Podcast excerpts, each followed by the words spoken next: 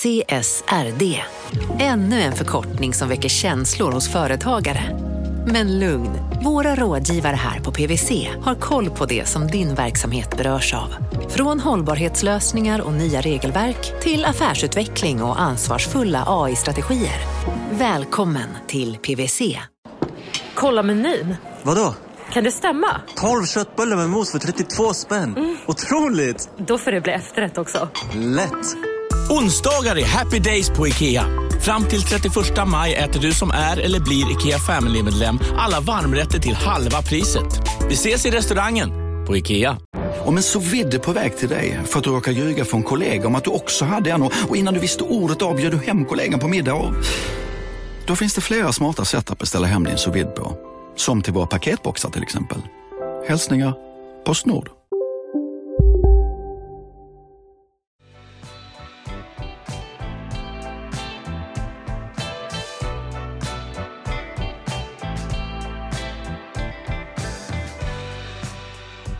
Vad skulle du göra om du hade 4 miljarder kronor? Jag skulle kanske typ så här, alltså fyra, det är ändå mycket pengar. Jag skulle tror jag så här, starta en, en välfärdsstat, typ så här Gibraltar. Gibraltars statsbudget är typ 4 miljarder kronor. Gibraltar finns ju redan. Ja, jag vet, men man kan ta över en ny ö då, och liksom sätta upp ett, ett skola, vård, omsorg på en ny ö som jag liksom fixar på något sätt. Okej, okay, ja, ganska bra, ganska bra idé. Man kan ju också köpa en tavla eh, för 450 miljoner dollar. Gibraltar eller tavla, alltså det är mina två val. Ja, alltså det var ju en da Vinci-tavla som såldes för 450 miljoner dollar förra året. Och det är nästan 4 miljarder kronor. Salvator Mundi heter den. Den föreställer Jesus eh, och är världens just nu dyraste tavla. Får man se den eller? Ja, jag har skrivit ut den här. Här kan du få se. Det är typ, han liksom håller någon slags kristallkula typ. Den var ju fin så här. Ja. Jag tror ändå jag väljer Gibraltar. Hur som helst, det här är liksom inte första gången man hört talas om en dyr tavla. Även om den här ju var exceptionellt dyr måste jag säga. Nej, så här långt inget nytt. Men visst kan man tänka sig att den inte hade kostat så mycket pengar om det inte hade varit en da Vinci? Det kan man absolut tänka sig. Och då känns det ju extra viktigt att man vet att det är da Vinci som har målat den. Men det vet man väl, eller? Eller vet man inte det? Alltså med den här tavlan så säger man att man är säker på det. Men frågan är ju om man kan vara helt säker. Det var ett tag sedan Leonardo da Vinci målade sina tavlor. Han dog alltså 1519. Alltså innan vi hade Vasa 1 i Sverige. Exakt. Okej, men vi ska kanske inte lägga oss i för mycket kring den här Jesu-tavlan. För idag handlar kapitalet om jakten på sanningen om en annan tavla som skulle kunna vara värd miljoner. Eller också är den värd ungefär vad ramen kostar. Och om det överhuvudtaget går att vara säker på vem som höll i penseln för 400 år sedan. Jag heter Gunnar Harjus. Och jag heter Åsa Secker.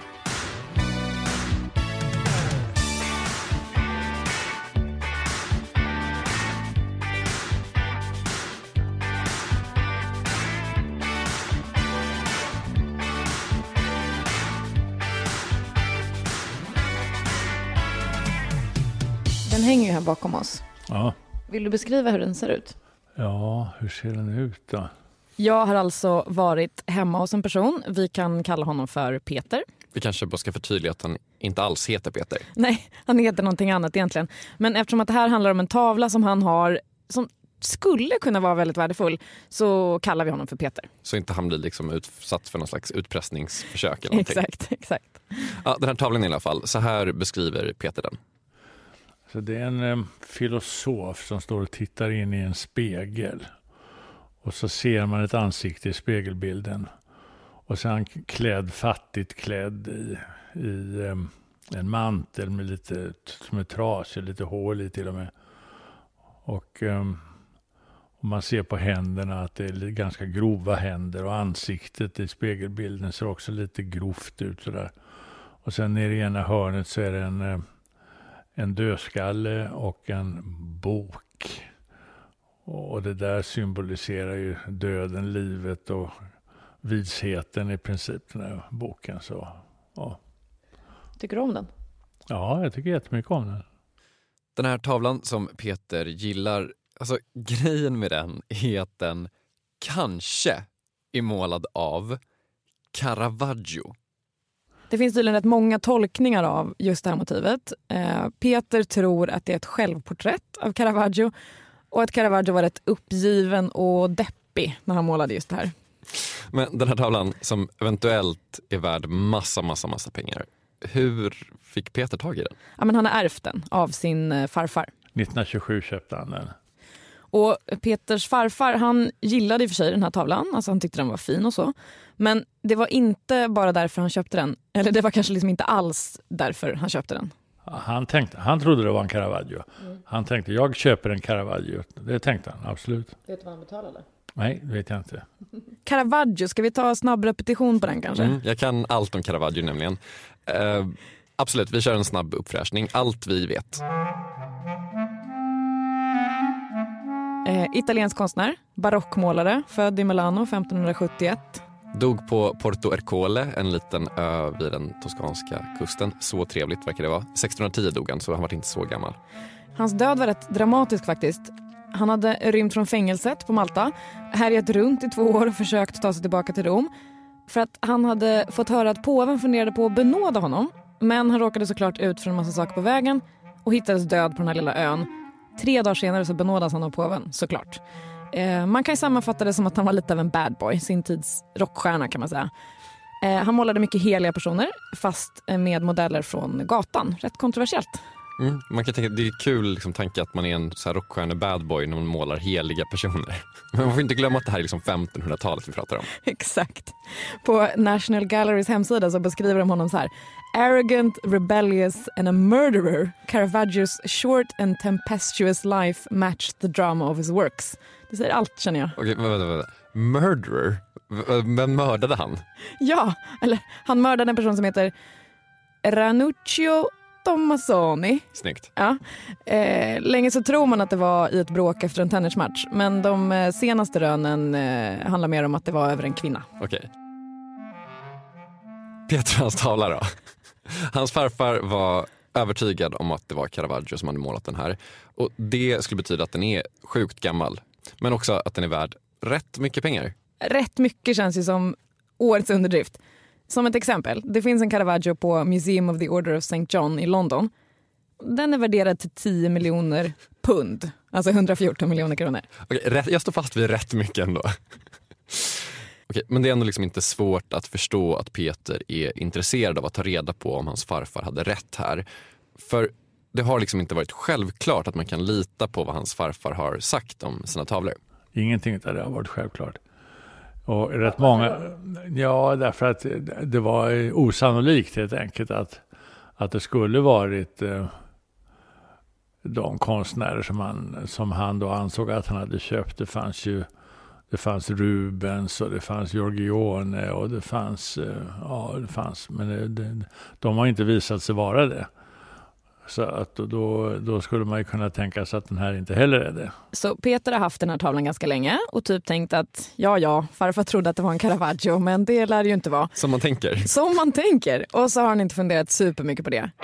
Förrän en dag. När telefonen ringer. Det var en man från Malta som ringde upp mig vad den här mannen från Malta sa till Peter efter det här.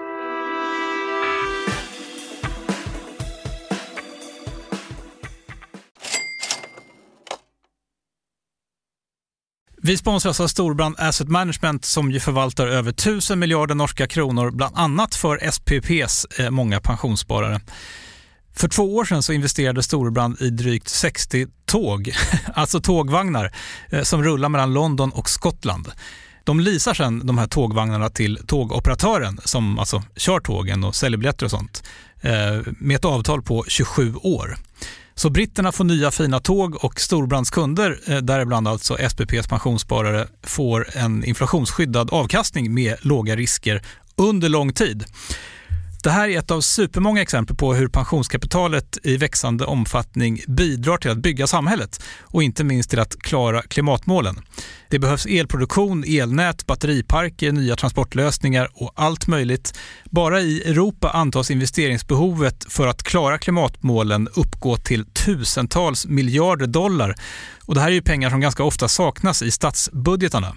Däremot är det här pengar som pensionsbolagen kan vara med eh, och stoppa in, vilket ger pensionsspararna en fin avkastning under lång tid samtidigt som man är med och ställer om samhället. Vi har gjort ett helt avsnitt om det här eh, som man kan lyssna på. Det publiceras här i Kapitalet i mitten av maj. Ratta gärna in det om ni vill lära er mer om hur det här funkar. Men tack säger vi till Storbrand Asset Management som ju investerar i alla tänkbara tillgångslag, bland annat för pensionsbolaget SPP. Och tillsammans försöker ju vi, Storbrand och SPP, öka medvetenheten om hur pensionerna funkar och vilken roll pensionerna spelar i samhället och i ekonomin.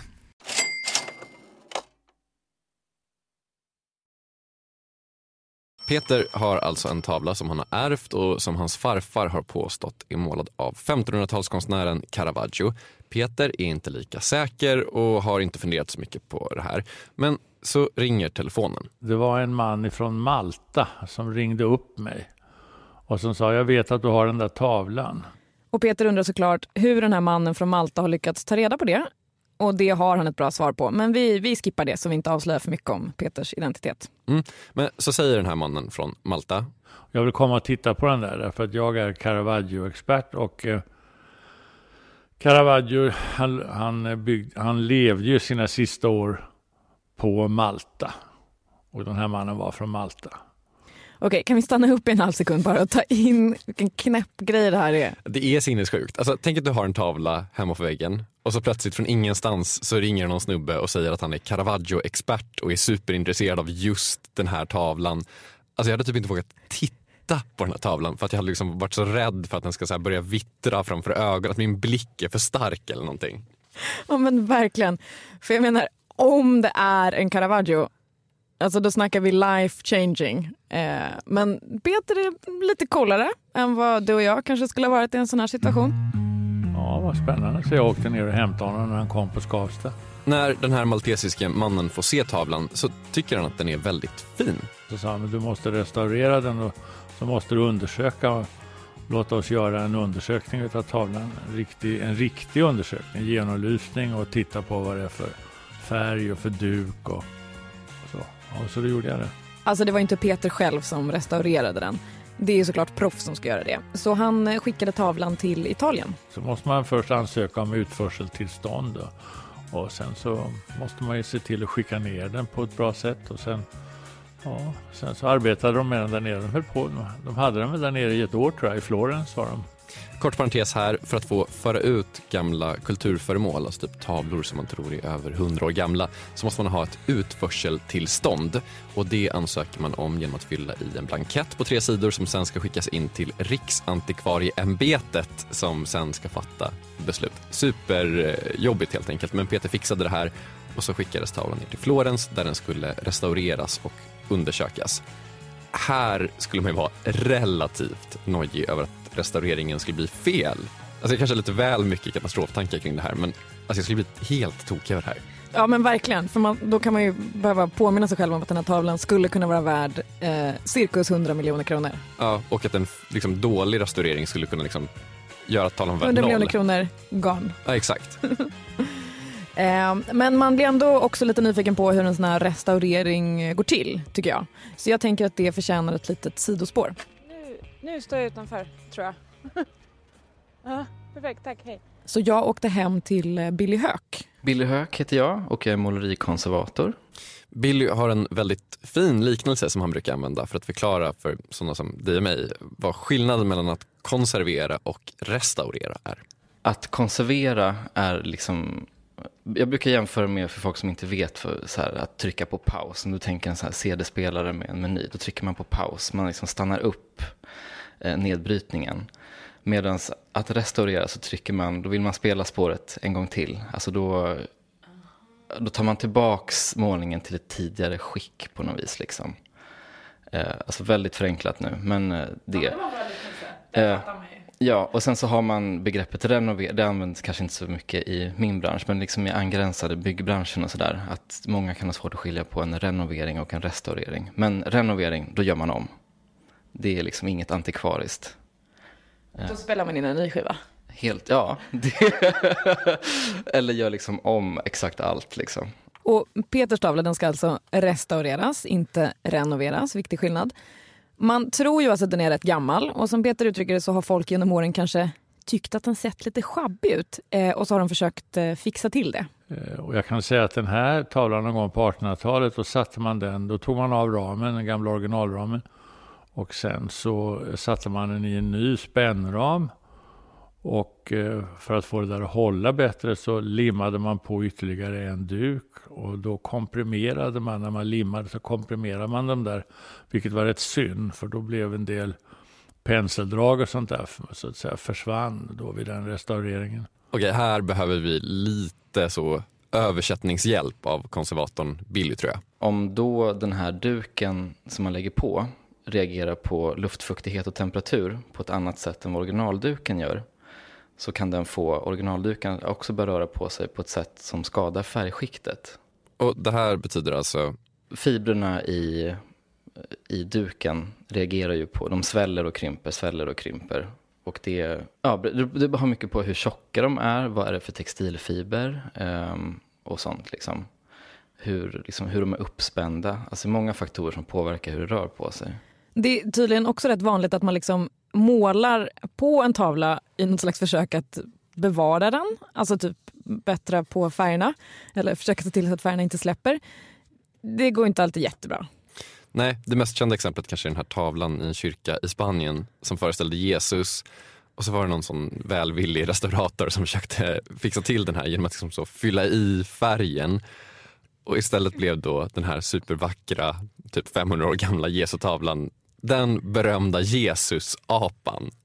Den har inte undgått någon. Nej, den är så himla himla himla ful verkligen. Jag älskar den där tavlan. En kul grej med den tavlan är att den liksom har räddat den här staden. Som det finns en liten, pytteliten stad som heter Borja som så verkligen var typ på ruinens brant. Det liksom gick jättedåligt för den här staden. Och på grund av den här tavlan så har det kommit hit skitmycket turism och så här, den verkligen blomstrar. Så, men liksom, det här kanske inte är någonting man kan räkna med ska hända om man gör en dålig restauration. Ändå fint, slutet gott, allting gott. Ja.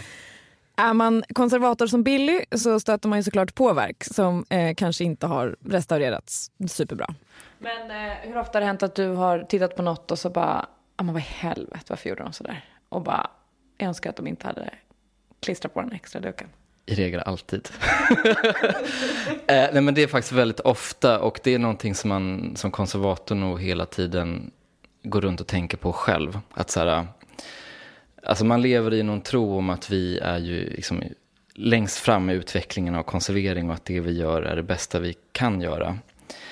Och så är det väl säkert på ett sätt, men man går också alltid runt med så här, oh, undrar hur man kommer se på mitt jobb om eh, 50-100 år eller kanske bara 10, jag vet inte. Men, eh, men det är också väldigt viktigt att tänka på för att eh, det är ju någon sån här gyllene regel inom konservering att så här, man ska göra så lite som möjligt. Slut på konserveringsstickspår tillbaka till Peters tavla. För den lyckades man restaurera där nere i Florens eh, och samtidigt som man gjorde det så gjorde man också massa så här undersökningar för att försöka få reda på vem som har målat den helt enkelt. Och till saken hör ju att när man försöker verifiera en tavla så är det, det är liksom två saker som man måste göra. Dels så är det ju den tekniska undersökningen, alltså ta reda på om typ färgerna och duken och allt sånt där stämmer med tiden. Alltså det kan inte vara färg som bara fanns på 1800-talet om den ska vara målad på 1600-talet. Eh, och sen vill man ju ta reda på lite mer om tavlans historia. Alltså vilka ägare den har haft. Och det där vill man ju kunna spåra så långt tillbaka som möjligt såklart. Och det har Peter gjort. Så man hittade den alltså 1689 finns den beskriven i drottning Kristinas sammanställning av drottning Kristinas tavlor i hennes dödsbo. Och sen gick den över till någon som heter Odde, Odde, Oddes, Oddes, Oddeschalk. Jag vet inte hur det uttalas. SC Oddescalci. Kan du italienska? Nej, ja. jag chansar. Ja, det tror jag stämmer. Och sen så såldes den alltså till hertigen Orléans 1721. Och sen så hamnade den på någonting som heter Lyceum 1798. Vad är det för något? Ja, det kan jag inte svara på. Men där finns den i alla fall omnämnd. Och sen så hamnade den i England hos den här Edward Cox. Och sen så står det bara Private, Private Collection 1852. Där finns den beskriven i i den här boken, Elisabeth Dugy Trappé. Jag har inte följt upp det här själv. Och sen så 1915 så köptes den av någon som heter Claes Levin. Och sen köptes den alltså av Peters farfar och nu har Peter den. Och när man tar reda på allt det här, då letar man i arkiv och dokument såklart, men också i auktionskataloger, alltså kataloger där man har listat verk som ska säljas på auktion. Mm. Och i en av de här auktionskatalogerna från 1700-talet som Peter faktiskt också har hemma hos sig så listas alltså en tavla som ser nästan precis ut som Peters. Men det finns en stor skillnad. En skillnad som kan vara värd hur mycket pengar som helst. För på bilden i katalogen så ser man två tummar på den här personen som håller i spegeln. Och på Peters tavla så ser man en tumme. Betydelsen av försvunna tummar efter det här. Kapitalet sponsras av Master Exchange, plattformen där du som privatperson kan investera i låtar och får pengar varje gång de här låtarna spelas. Eh, vi berättade ju senast eh, om barnlåten Puff the Magic Dragon som noterades av Master Exchange under våren. Nu har utdelningen på den låten kommit, eller royaltyn som vi säger i musikbranschen. Eh, den ligger på drygt 12% i årstakt och det här är ju en avkastning som är helt okorrelerad till eh, börsen. Till och med Goldman Sachs har börjat skriva om just musik som investering eh, just ur det här perspektivet. Nu finns en möjlighet att investera i en ny låt. Eh, låten heter Boss Bitch och den är av Doja Cat som, alltså jag ska inte säga att jag är superdeep här men det är ändå en, en, person som jag vet om det är. En, en världskändis. Den här låten gav baserad på förra årets spelningar en avkastning på drygt 13% Master Exchange har just nu en väntelista på registreringar. Det, det går lite för bra för dem kan man säga. Men Skriver ni in kapitalet som promo code så kan ni runda kön och ansöka om andelar i låten Boss Bitch ändå. Om ni investerar helt vanliga pengar, det är inget krypto eller sånt där, så vill du investera i musik och få en avkastning som är helt okorrelerad med börsen och kanske inte minst för att det är kul att äga låtar eh, så kan man gå in på masterexchange.com och använda kapitalet som promo code så går man alltså förbi kön. Kom ihåg dock att alla investeringar är förenade med risk, men vi säger stort, stort tack till Master Exchange. Kapitalet sponsras av Karla, Jakob. Ja, bilar igen. Ja, det är eh, härligt. På Karla kan man sälja sin elbil eh, på det gissningsvis smidigaste sättet i Sverige. Eh, Karla har ju ett nästan ett komiskt högt användarbetyg på Trustpilot. Mm. 4,8 av 5, vilket jag typ aldrig hört talas om. Nej, det är väldigt, väldigt högt. Eh, man knappar in lite info om bilen på sidan, sen får man en gratis värdering och ett bud. Accepterar du budet kommer Karla och hämtar upp bilen gratis och sätter in pengarna innan de kör iväg. Inget mer än så.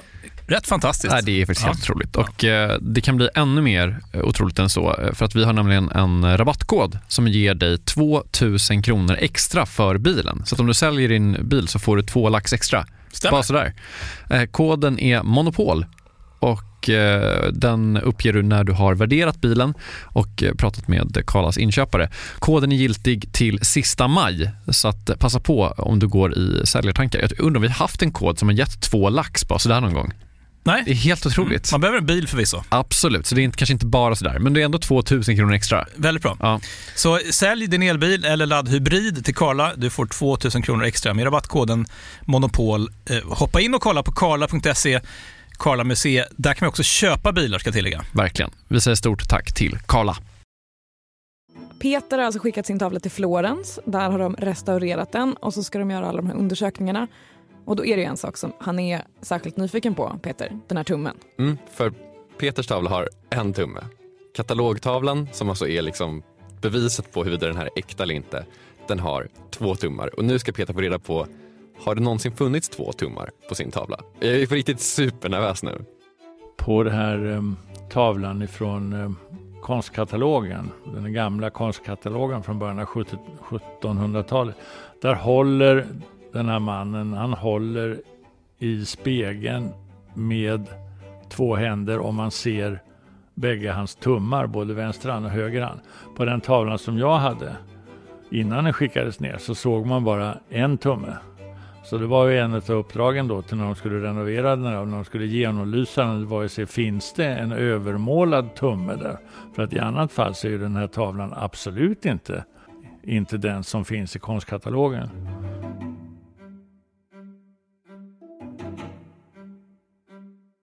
Och då när de genomlyste tavlan så hittade de den där tummen. Vilken lättnad. Då är det i alla fall inte liksom garanterat en fejk och han är liksom ett steg närmre än Caravaggio. Men liksom vad kom man fram till när man hållit på och undersökt och fixat med den här tavlan i liksom ett år? Vad är slutsatsen från experterna? De sa väl ungefär som slutsats att eh, det finns inget som, ingenting som direkt motsäger att det här skulle kunna vara en Caravaggio. Och här tänker man ju, eller jag tänker i alla fall, okej, okay, wow. Om superexperterna i Florens säger det finns inte någonting som säger att det här inte är en Caravaggio, då känns det som att nu bränns det ordentligt. Ja, verkligen så. Men när de har sagt det så lägger de också till. Men om jag vore du så skulle jag nog sluta med efterforskningarna för att eh, innan du har fått det där till en Caravaggio så har du förlorat alla pengar. ungefär så, inte riktigt så va, men de sa ungefär att det kommer att bli eh, ja, du kan lägga ner en förmögenhet på att få det till en Caravaggio och du kommer nog inte att lyckas med det. Så i slutet så har du ingen Caravaggio i alla fall och, och inte heller några pengar. Ungefär så. Och sen tar det liksom stopp. Vilken downer. Alltså jag är, jag är verkligen en besvikelse. Samtidigt så kan jag känna att det finns en rimlighet i allt det här. Det är typ omöjligt att verkligen veta vem det är som har målat en tavla som är så gammal. Ja, det finns ju inte DNA direkt. Det gör det inte.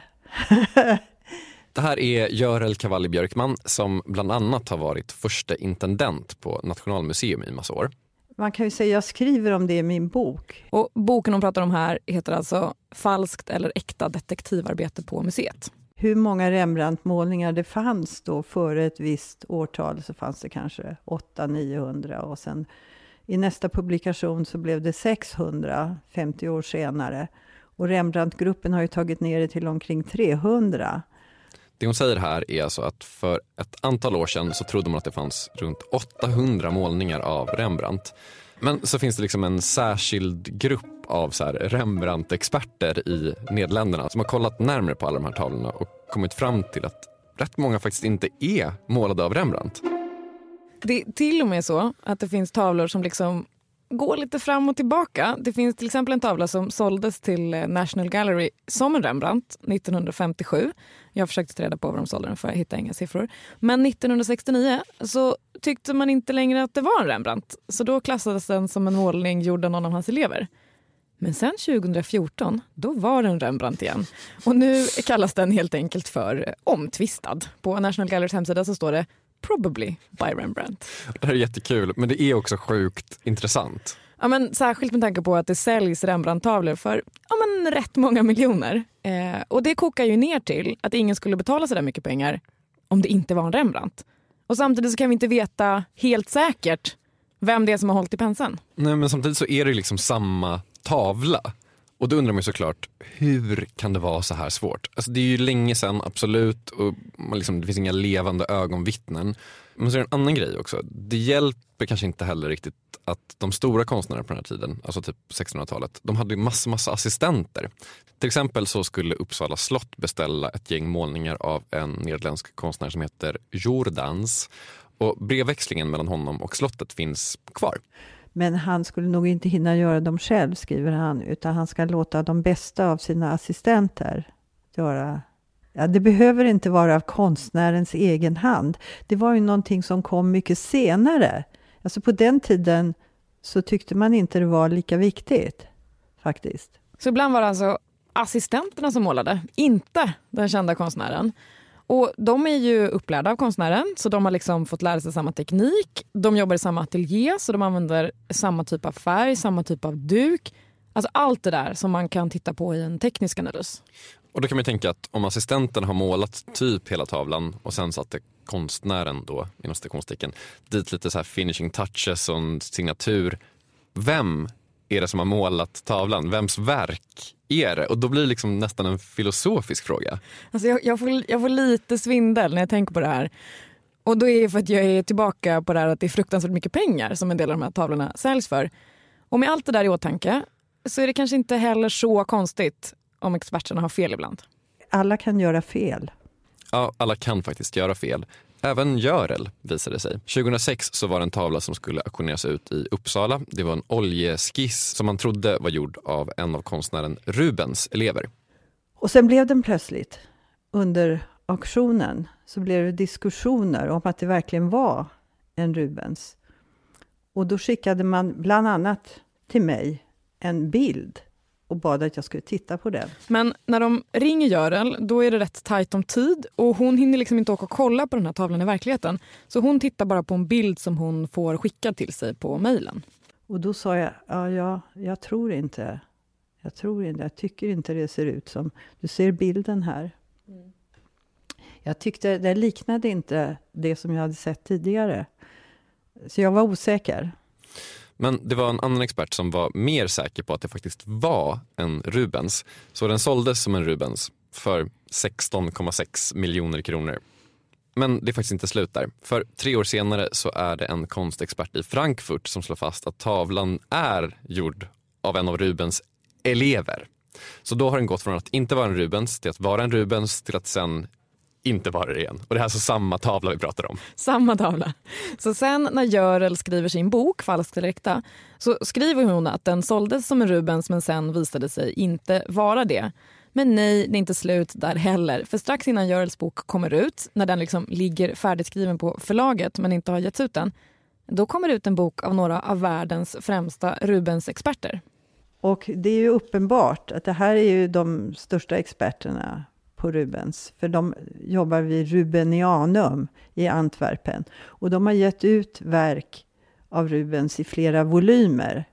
Och här är just den här typen av målningar i den här boken. Och där finns den som en äkta skiss av Rubens. Och då får man ju mena att den samlade expertisen här har rätt. Så om den här bedömningen nu ligger fast, för det verkar ju inte som att någonting någonsin kan vara liksom hugget i sten i den här branschen, så hade Görel alltså fel. Men det som är fascinerande är att det här är exakt samma tavla med liksom exakt samma penseldrag och ram och duk och färg och underskrift. Och den tavlan pendlar liksom miljoner och åter miljoner kronor i värde fram och tillbaka beroende på vad någon säger om den. På ett sätt så tycker jag att det här påminner om aktier. Alltså, aktier när det är som sämst i någon slags bisarr yra eller krasch. Att så här, folk bara slänger ur sig massa grejer omkring vad det här företaget borde vara värt och det bara liksom skjuter i höjden eller totaldumpas beroende på vad bara någon typ råkar säga. Ja men att saker är värt något bara för att folk säger att det är värt något helt enkelt. Exakt. Men i alla fall, Görel skrev fel i sin bok och det känns ju lite jobbigt såklart. Såklart. Men Oftast så har hon rätt faktiskt. Som en gång, ja det här är lite av ett till stickspår. Men det är, så, det är en så bra historia, vi kan liksom inte med gott samvete undanhålla den för lyssnarna. Det var rätt länge sedan när Nationalmuseum fortfarande hade såna där öppna mottagningar. Alltså typ som Antikrundan fast utan kameror. Man fick liksom komma till Nationalmuseum med sin tavla och bara “är den här värd något?” Och de bara “ja” eller “nej”. ja exakt. Och då kom det in en kille och sa att han ville hjälpa en kompis att försöka verifiera en målning som han också trodde var just en Rubens. Alltså vad är grejen med Rubens? Har alla en tavla som kanske är en Rubens? Har du en tavla som kanske är en Rubens? Eh, svar nej. Svar nej. Eh, men i alla fall, när Görel kollar lite närmare på den här tavlan så tycker hon att det är rätt mycket som stämmer. Sen så kollade jag i litteraturen och den fanns ju med eh, som ett verk som ägdes av Prado-museet i Madrid. Och jag, till min förvåning då så såg jag ju liksom att varenda streck och varenda, om jag kollade med förstoringsglas och sådär. Så, Eller rättare sagt, allt stämmer. Och då ringer hon såklart till en kollega på Prado-museet och då säger de att just den tavlan har blivit stulen från ett litet museum vid kusten som den var utlånad till. Och Nationalmuseum får inte behålla den här tavlan för det är liksom inte deras. Men de polisanmäler såklart det här. Och eftersom att det är flera länder inblandade så kopplas Interpol in efter ett tag. Och till slut så får man tag i den här tjuven och i tavlan. Men tjuven är inte dum. Han skaffar sig en bra advokat. Ja, det är Leif Silbersky. Och han lyckas få sin klient friad i första instans. Därför att Silbersky hävdade då att eh, måtten stämde inte med katalogen. Eh, det var en halv centimeter. Och de hade ju inte kallat vare sig mig som vittne eller någon från Prado. De lyckas alltså övertyga domstolen om att den här tavlan inte är samma tavla som har stulits i Spanien. Men sen blir det en jävla cirkus. För ungefär samtidigt så ska Moderna Museet, som då hängde ihop med Nationalmuseum, de ska ha en Picasso-utställning och då ska de låna tavlor från Spanien. Men då säger Spanien, app, app, app, ni får inte låna några Picasso-tavlor förrän vi har fått tillbaka våran Rubens. Så då tas det här fallet upp i Högsta domstolen och då kallar de såklart Görel som vittne. Eh, de har till och med ritat av mig en tidningsartikel där jag sitter då mitt emot. Det var ganska ruggigt på något sätt. Men... Eh, mitt emot tjuven? Ja. Och Görel har en plan för hur hon ska övertyga domstolen om att det här är samma tavla. Hon har nämligen tagit fram ett transparent foto av den här målningen som hon då har undersökt och så lägger hon liksom det här transparenta fotot över bilden i katalogen. Alltså bilden på tavlan som hör hemma i Spanien. Och då ser man att det stämmer exakt. Varenda linje, varenda penseldrag stämmer. Då blir han ju fälld och, och fick ett års fängelse tror jag. Jag kommer inte ihåg riktigt hur lång tid. Men han lyckades lämna landet. Innan, han ansågs vara pålitlig så att han eh, satt inte kvar i häktet va? utan han fick eh, göra ordning sina affärer och så. Det, det händer väl ofta. Men då lyckades han smita ur landet. Alltså det är ju en, det är liksom en helt orimlig bedömning att anse att en konsttjuv är pålitlig. Alltså även bland tjuvar känns det liksom som att konsttjuvar är liksom en särskilt opålitlig kategori. Får, får man säga att det känns lite svennigt att så här, nej men vi litar på honom? Jag antar det. Ja, det är väl svennigt då. Men eh, tavlan lämnades i alla fall tillbaka till museet så det var ju bra. Ja. Verkligen bra. Det här låter ju så himla mycket som liksom en film om en, ja det är en film helt enkelt. Ja men det gör ju det och det är fler som har tyckt så. Det har gjorts en film om det här. Eh, det finns en tv-dokumentär. Eh, den heter The Art of the Heist. Eh, den kan man kolla upp på Youtube. It started as one of the most perfect art heists. Two Rubens sketches stolen in broad daylight from a gallery in Spain, leaving no clues. Är Görel med? Jajamensan. And he wanted to know if he owned Rubens. I thought it must be a copy. It usually is. Men Peters tavla då? Den som experterna i Florens sa att det liksom inte går att säga att det inte är en Caravaggio. Vad tycker Görel att han ska göra med den? Ska han liksom fortsätta med sina efterforskningar? Jag skulle nog fortsätta av ren nyfikenhet. Men Peter är kanske inte riktigt lika sugen på att lägga mer tid på det här. Kan du leva med ovissheten? Ja, absolut. Men finns det ändå någonting som liksom skulle kunna få honom att fortsätta eller återuppta eller vad man ska säga? Ja, alltså det ska, man ska aldrig säga aldrig. Om det kommer någon och säger om den där tavlan var spännande, skulle jag vilja utforska åt dig till exempel. Ja, då skulle man ju säga det får du jättegärna göra. Och... Alltså det är lite antiklimax, för vi får liksom inga mer svar än så. Kanske så äger Peter en Caravaggio, kanske så gör han inte det. Det är helt enkelt ingen som vet. Men det återstår ju en fråga, en rätt viktig fråga. Vilken fråga? Ja, men alltså, det här handlar om tavlor som är värda många, många miljoner. För att de är målade av en känd konstnär för länge, länge sedan. Men i min värld så är liksom konstens syfte, eller vad man ska säga, att den ska vara vacker typ. Eller den ska ge, den ska ge något att titta på, man ska känna något typ. Mm. Och det här att vissa tavlor är värda ett mindre lands BNP, det kan kännas orimligt när man tittar på dem. På grund av att de är inte så fina. Så vem är det som bestämmer vad som är fint? Vad är bra konst? Ja, men jag menar, det är ju liksom, det finns ju all humaniora nästan utgår ifrån frågan vad är bra konst eller vad är konst eller liksom, hur ska vi tolka konst? Men det, det är ju liksom såklart en sjukt intressant fråga. Och när man liksom kopplar in ekonomi i det dessutom så blir det ju, tycker jag, ännu mer spännande. För liksom priset sätts såklart av efterfrågan. Men jag kan typ känna att efterfrågan kommer av andras efterfrågan, om du förstår vad jag menar, snarare än utifrån kvaliteten på verket. Massa av de här tavlorna är såklart superfina. Men det finns ju också liksom tavlor som men, ganska många tror jag är överens om inte är så fina men som är värda otroligt mycket för att folk har liksom folk vill ha de här tavlorna för att andra folk vill ha dem. Ett av mina favoritkonton på Instagram, om vi får liksom ta in samtiden i det här, Det är ett konto som heter Renoir Sucks at Painting som bara så här supernyktert och liksom så här, ganska torrt går igenom alla de sätt som impressionisten Renoir är dålig på att måla. Och de har rätt. Alltså så här, massa impressionister är jättebra men Renoir är verkligen inte bra. Han ritar superfula ögon och jättefula alltså, Han är bara inte skicklig. Så bra konto. Alla måste gå in och, och kolla på detta. Eh, men det är ju verkligen som att någon bara bestämt att det ska vara värt mycket.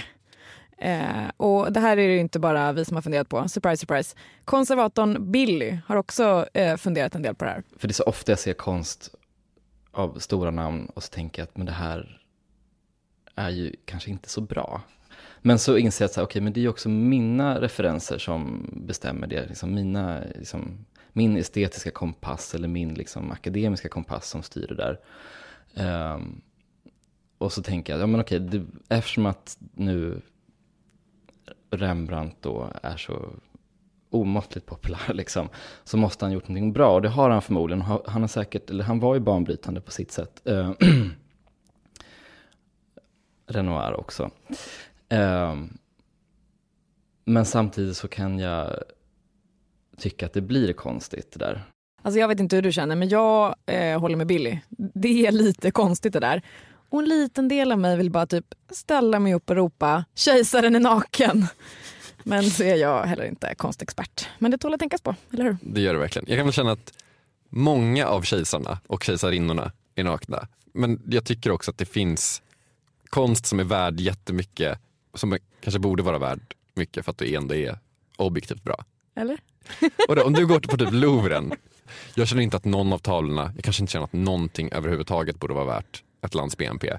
Exakt. Men jag menar, det finns ju ändå liksom tavlor som är Just tavlorna på Louvren är ju numera mer värda för att Beyoncé och Jay-Z har varit där och dansat framför dem. Så är det verkligen också. Det, det ska man absolut ta med i beräkningen. Så den här liksom odyssén genom en 500 år tavlas gamla liv slutar i Beyoncé och Jay-Z. Exakt. Med det är Kapitalet slut för idag. Nästa vecka så kommer ett eh, nytt avsnitt. Följ oss gärna på Instagram, det heter Kapitalet. Åsa, tusen tack. Tack Hej då. Hej då.